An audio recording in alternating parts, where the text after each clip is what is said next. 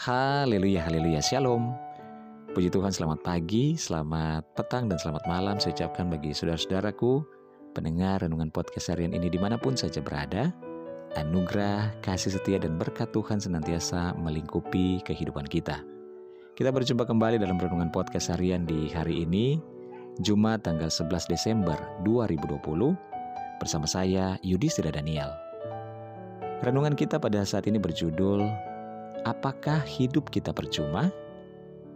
Bacaan firman Tuhan dalam Lukas 13 ayat 7 firman Tuhan berkata, Lalu ia berkata kepada pengurus kebun anggur itu, Sudah tiga tahun aku datang mencari buah pada pohon ara ini, dan aku tidak menemukannya.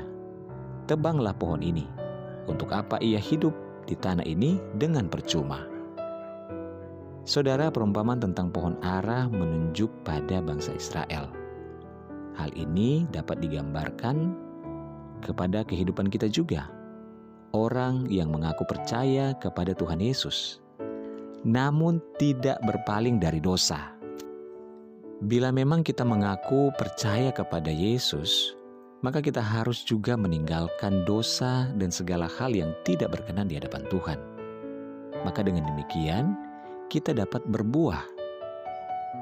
Bagaimana jadinya bila kita tidak dapat menghasilkan buah seperti yang dikehendaki Allah bagi kita? Jawabannya hanya satu dan tidak dapat ditawar lagi, yaitu hukuman. Diperumpamakan dengan pohon ara, maka kita akan ditebang. Percuma kita hidup tanpa menghasilkan apa pun bagi Allah, bagi Tuhan, dan sesama kita. Kasih karunia akan ditarik dari dalam kehidupan kita jika kita tidak berbuah. Apakah kita merasa Allah tidak adil dengan hal ini? Kita keliru.